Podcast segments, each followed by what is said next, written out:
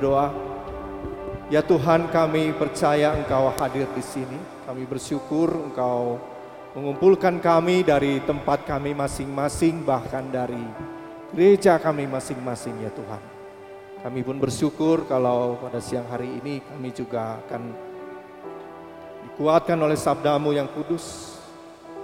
Kami mohon roh kudus menguatkan, menghiburkan, memberi kami kesembuhan dan kelepasan serta kemenangan. Berkati mata hati telinga kami ya Allah. Berkati juga seluruh kehidupan kami. Di bawah terang firman-Mu kami percaya Engkau adalah Allah yang memberikan kemenangan. Di dalam nama Bapa, Anak dan Roh Kudus kami berdoa. Amin. Silahkan duduk saudara-saudara. Sampurasun. Masih kurang semangat. Sampurasun. Ya, sepertinya kekenyangan ya, saudara-saudara. Saya mau cek satu-satu. Saya pengen kalian make a noise, ya. Bikin gedung ini gemetar kalau bisa. Saya mau cek satu-satu perwakilan dari masing-masing jemaat di klasis priangan ini. Yang pertama, GKP Awiligar. Kurang, sambil berdiri ya. Sekali lagi. Kurang berisik. Saya tidak suka yang pelan-pelan, saya sukanya yang berisik. Kecuali kenal pot motor ya. Siap. GKP Awiligar. Nah, berdiri dong, berdiri. Oke, udah. Siap. GKP Lembang, berdiri. Berdiri lalu bikin keributan ya. Siap, yang ketiga harus berdiri. GKP Dayakolot berdiri. Mana Dayakolot gak kelihatan? Dayakolot angkat tangan. Ya, oke. Suruh berdiri nggak mau. GKP Katapang. Mana Katapang? Angkat tangan. Katapang tidak ada ya? Di Cirianku saya Katapang nggak ada.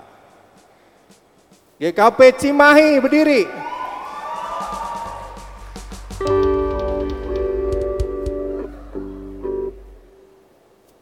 Suruh berdiri susah banget ya. Kenyang. Garut. Oh ternyata yang berisik tadi di belakang itu GKP Garut. Nanti saya laporin ke pendeta Sri Yusuf. GKP Tasik. Mana Tasik angkat tangan?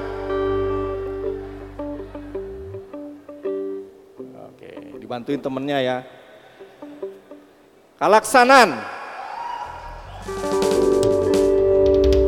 Mana Kalaksanan? Gak ada kayaknya ya, paling jauh.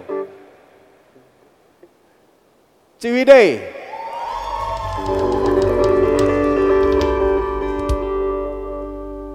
Lebih berisik lagi ya saya pengen. Cipatat. Dan saya mau nanya kamu, kamu sebenarnya dari GKP mana sih? Hybrid ya kamu ya? Cipatat mana Cipatat? Angkat tangan dong. Gak ada Cipatat. Mana-mana? Yang tinggi dong, angkat tangannya. Iya, nggak usah malu-malu. Sekarang nih, GKP Ujung Berung. Mana suaranya?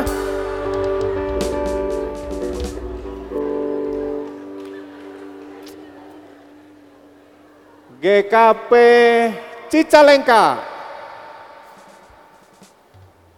Nggak ada. Oke. Cirian deui Pak, Cicalengka nggak ada. GKP mana lagi? Yang belum. Oh. GKP Sumedang. Oh itu dia sendirian Sumedang. Yeay. GKP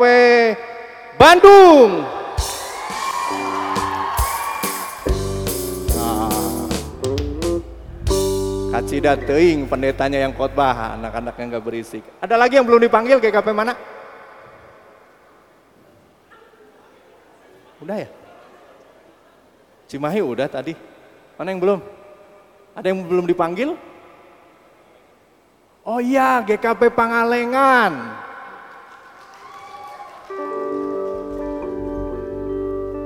Itu benar dari Pangalengan? Betul ya? Oke, sudah ya. Sudah semua ya? Betul ya? Cek Eni, ujung burung udah tadi. Ujung burung udah kan? Mana ujung burung tadi? Nah itu dia. Oke, saudara-saudara, saya mau bertanya lagi sama kalian. Bangga nggak sih jadi orang Indonesia? Bangga? Apa yang membuatmu bangga jadi orang Indonesia? Banyak suku, bahasa, agama, ada berapa suku? Sama saya juga nggak hafal, pokoknya mau banyak kayaknya. Apalagi yang membuat kamu bangga jadi orang Indonesia? Bangga nggak jadi orang Indonesia? Apa yang membuatmu bangga jadi orang Indonesia? Tenang aja, saya nggak akan ngapa-ngapain. Saya mau pendeta yang paling baik, terus terang.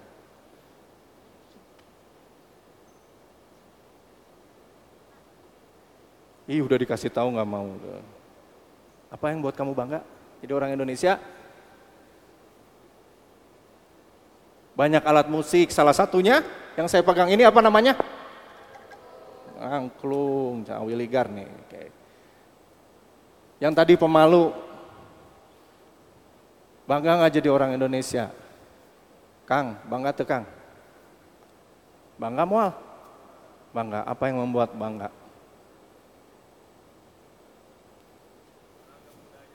Ragam budaya. Salah satunya apa?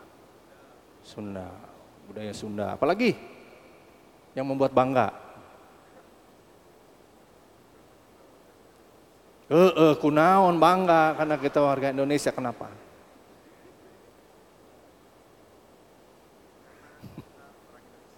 karena kita orang Indonesia. Kamu bangga jadi orang Indonesia?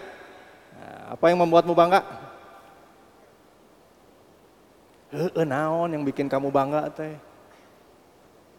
Beragam budaya ah nyontek semua ini nggak ada yang benar. Belah sana ah, nggak ada yang otentik nih. Mana tadi yang dari yang sendirian teh dari mana tadi? Ah yang hybrid nih. Dari mana-mana hahu hahu dari tadi. Sok dari Tasik ya. Bangga jadi orang Indonesia nggak? Biasa aja. Kenapa biasa aja?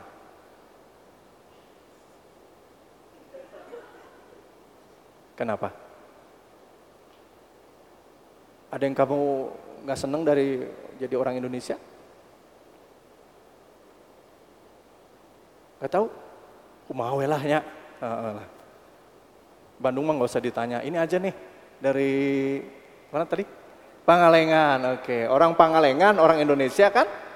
Nah bangga nggak jadi orang Indonesia? Apa yang bikin kamu bangga? Karena lahir di Indonesia. Oke, selain itu nggak ada lagi? Nggak pengen jadi orang Korea, saudara-saudara? Mau jadi orang Korea nggak? Hmm? Mau jadi orang Korea? Nggak mau? Benar. Nggak mau jadi orang Korea? Korea itu deket Cilacap ya orang Korea. Saudara-saudara, Selain budaya suku, kita hari ini memaknai memaknai kemerdekaan. Yang keberapa, Neng? Kang, yang keberapa kemerdekaan? 78. Tanggal berapa sih? 17 tahun? Tahun 1945. Oke, okay. 1945. Oke, okay, apa makna kemerdekaan bagi saudara? Bebas itu apa sih?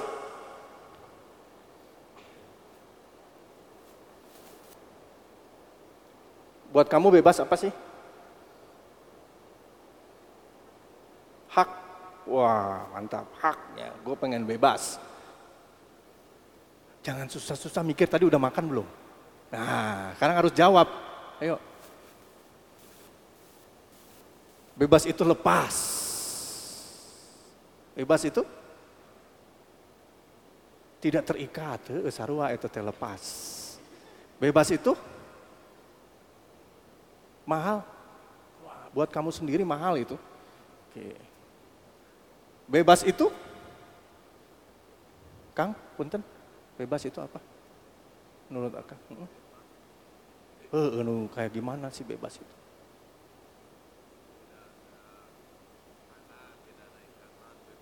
Bebas. Itu di baju. Bebas. Oh di baju. Oke. Ini yang berdua nih, bebas. Hmm, menurutmu? Tidak ada aturan, setuju banget saya, nggak ada aturan. Bener ya? Nggak perlu aturan ya. Perlu nggak sih aturan? Bohong. Perlu nggak aturan? Perlu. Kenapa perlu? Biar teratur. Sekarang buka Galatia 5 ayat 1 sampai 15. Alkitabnya. Sudah punya Alkitab terjemahan baru edisi 2 belum? Belum ya udah edisi 1 aja ya. Saya mau mengajak kita semua membaca secara bergantian laki-laki ayatnya yang ganjil, perempuan ayat yang genap. Siap ya Galatia 5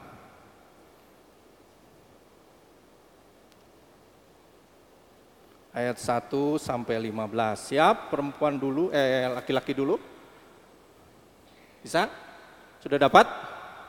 Jangan buka WA ya. Ya, Silakan, laki-laki.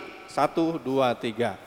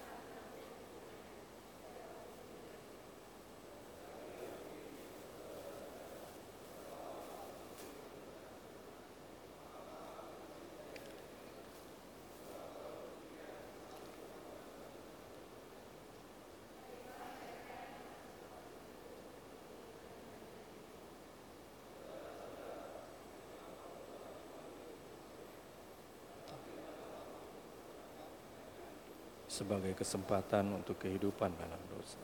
Melainkan layanilah seorang akan yang lain oleh kasih.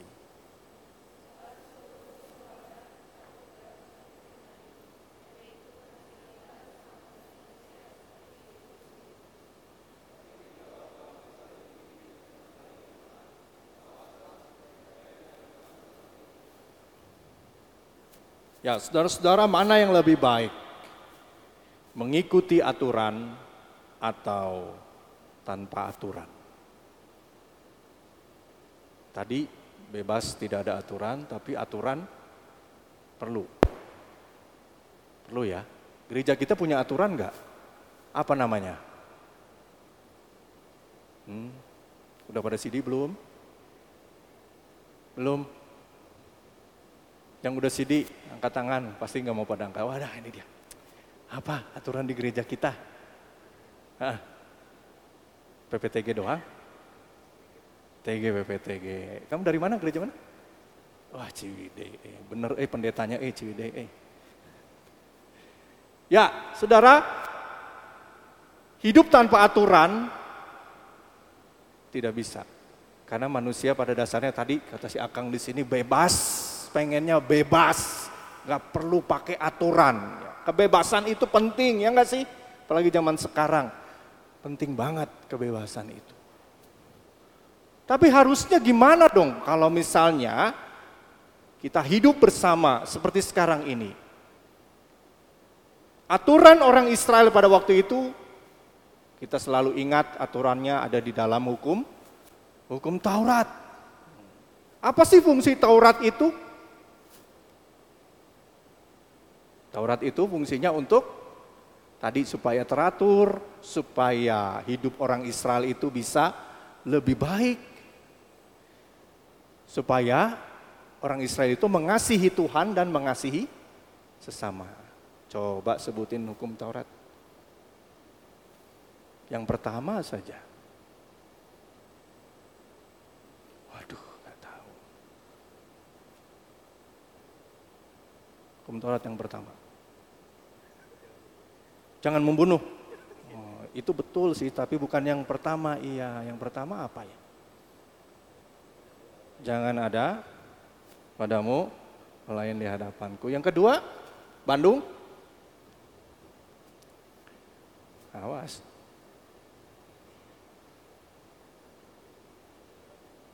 Ja, raja, ayo raja, kemari baru di sini, ja. Yang kedua apa? Eh, nggak bener ya siapa sih pendeta Bandung? Salah, jangan. Nah, jangan membuat bagimu patung yang menyerupai apa pun. Yang ketiga, Neng. Hmm. Ada di mana sih hukum Taurat itu? Keluaran 20 coba dibuka atau orang Pangalengan bisa nggak hukum yang ketiga? Ketiga. Jangan menyebut nama Tuhan Allahmu dengan sembarangan luar biasa pendeta Pangalengan, eh. Hukum yang keempat. Ingat dan kuduskanlah hari Sabat. Itu bicara soal hubungan umat dengan Tuhan. Lalu hubungan dengan sesama mulai hukum yang kelima. Apa? Hukum yang kelima. Hor. Yang keenam. Tah. Baru kadinya. Yang gancang-gancang genep wae kamu mah. Nomor satu dulu ya. Jangan membunuh terus. Jangan berzina terus. Terus jangan mengucapkan saksi dusta. Yang terakhir, penting tidak hukum itu? Kalau penting harus diimani, bukan ditinggalkan. Jadi Rasul Paulus tidak bilang bahwa hukum Taurat itu nggak penting. Tidak ada Rasul Paulus tidak bilang seperti itu saudara-saudara. Hukum Taurat itu penting supaya kehidupan orang Israel itu lebih baik, lebih teratur dan bisa mengasihi Tuhan dan mengasihi sesama dengan lebih baik lagi. Dan terlebih dari itu saudara-saudara supaya orang Israel itu punya pembeda dengan yang lain, dengan bangsa-bangsa yang lain. Ada bedanya. Oh ini orang Israel, ini bukan. Terus kenapa Rasul Paulus dalam bacaan kita tadi mempersoalkan hukum Taurat ini? Itu kan pertanyaannya ya. Yang jadi masalah saudara-saudara dalam berikut kita adalah kesalahpahaman, ketidakpahaman bahkan akan fungsi hukum Taurat. Orang Kristen memahami keselamatan itu adalah anugerah Tuhan. Ya. Bukan diperoleh dari dengan cara menaati hukum Taurat. Karena siapa pun kita tidak akan bisa memenuhi hukum Taurat. Benar nggak? Hari ini sudah berbohong? Sudah. Hari ini sudah ngegosip? ngagibah tuh tadi. Hayang nyaho ngagibah saha? Eh, eh, kamu teh dari mana? Tah di Lembang eh gosip naon? Bejaan atuh Pak Pendeta Adi biar orang Bandung tahu. Eh kelanya ke di bejaan tuh Bandung siap. Hah? Pak Hengki ke Lembang. Oh Pak Hengki. Aduh ini di Youtube lagi ya. Jangan lah. Jangan, jangan. Tuh ngegosip. Sudah membunuh? Eh, membunuh itu bukan berarti mahan jelemanya. Apa artinya membunuh? Nah, misalnya apa? Bikin sakit hati, membunuh karakter bisa ya. Menghina, membuli, udah membuli? Siapa yang sini suka membuli itu tadi angkat tangan? Kamu suka membuli itu dari mana teh? Dari mana? Kang dari mana? Garut, Rut, Garut. Tadi nu paling gandeng. Siapa? Tadi begitu begitu. Siapa? Nah. Oh ini ya. Sok. Kamu sudah membunuh belum? Hari ini? Ya. Apa tuh? Ngapain? Semut. Enggak. Bully orang pernah? Menghina? Ya, saudara-saudara kita tidak tidak bisa sepenuhnya memenuhi hukum Taurat. Oleh karena itu keselamatan kita memang oleh karena anugerah. Tapi persoalannya bukan hanya itu saja, saudara-saudara. Persoalannya adalah banyak orang yang merasa ketika sudah melakukan hukum Taurat, lalu merasa dirinya yang paling benar. Sama dengan orang Kristen juga begitu, benar nggak sih? Karena mentang-mentang ini gratis dari Tuhan, gue udah diselamatin, terus gue ngapain aja boleh dong bebas tadi kata si Akang, tadi baju gitu naon, udah pasti asup surga saya mah. Ngabunuh gitu naon, mencuri gitu naon, sama kan? Jadi saudara-saudara, Bukankah ketika kita sudah diselamatkan, seharusnya kita punya apa yang disebut dengan tanggung jawab. Tanggung jawab saudara-saudara. Bicara soal keselamatan itu bukan hanya saya selamat, kamu sendiri siapa namanya? Rahel selamat, terus ini siapa namanya? Helen, Helen selamat nggak? Kalau Rahel selamat, maka Helen juga harus kamu siapa tadi? Jere. Kalau Helen selamat, Jere selamat, Rahel juga harus selamat. Artinya keselamatan itu bukan hanya dimensi personal tetapi juga harus sama-sama dong. Jadi kalau Bandung masuk surga, maka Cimahi masuk, Cipatat masuk, Cicalengka masuk, Garut, semua harus masuk surga. Jadi nggak boleh misalnya hanya Angges we orang Garut we tadi, Lu masuk surga ada di Garut mah. Orang-orangnya pada saroleh. Nyata orang Garut. Soleh ya.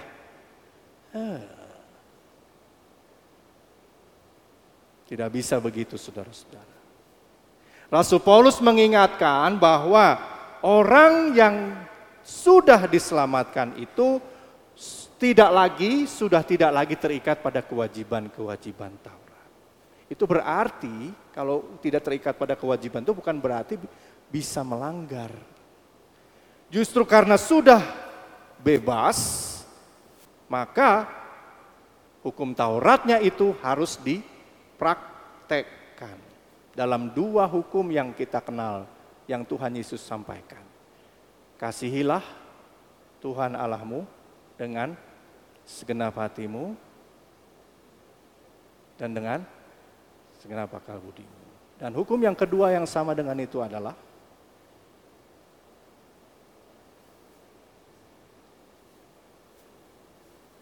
Jadi hukum Taurat itu dipraktekkan dalam hukum kasih. Sama.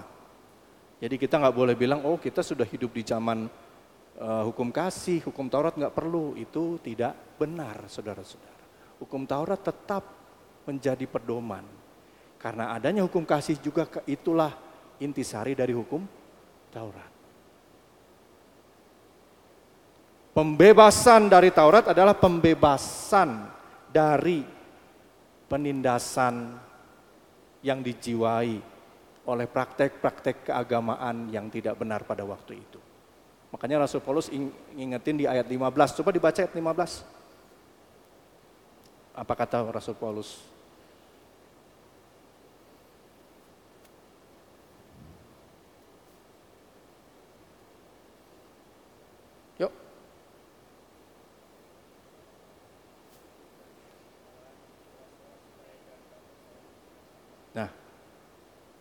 Kalau kamu saling menggigit, saling menelan, istilahnya mah ribut ya, gigit menggigit, ya.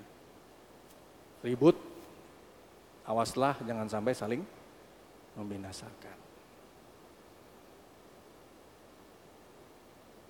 Yesus merangkumkan hukum Taurat itu dengan hukum kasih. Artinya, kita yang hidup sekarang diminta untuk sadar betul tanggung jawab kita sekarang. Kalau saya kasih angklung ini sama kamu, berarti tanggung jawabnya apa? Diapain? Dijaga, terus diapain lagi? Tidak dirusakin, terus dimainin dengan benar. Itulah arti keselamatan bagi kita. Jadi kalau udah dikasih gratis, harus tanggung.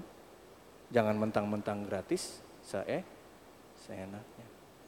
Benar tekan? Leres te? Tuh lihat. Jangan saya seenaknya. Lalu saudara-saudara, hidup kita akan dinilai dari apa yang kita perbuat. Pemuda remaja klasis priangan harus menghasilkan perbuatan-perbuatan yang baik. Harus menghasilkan buah-buah kasih.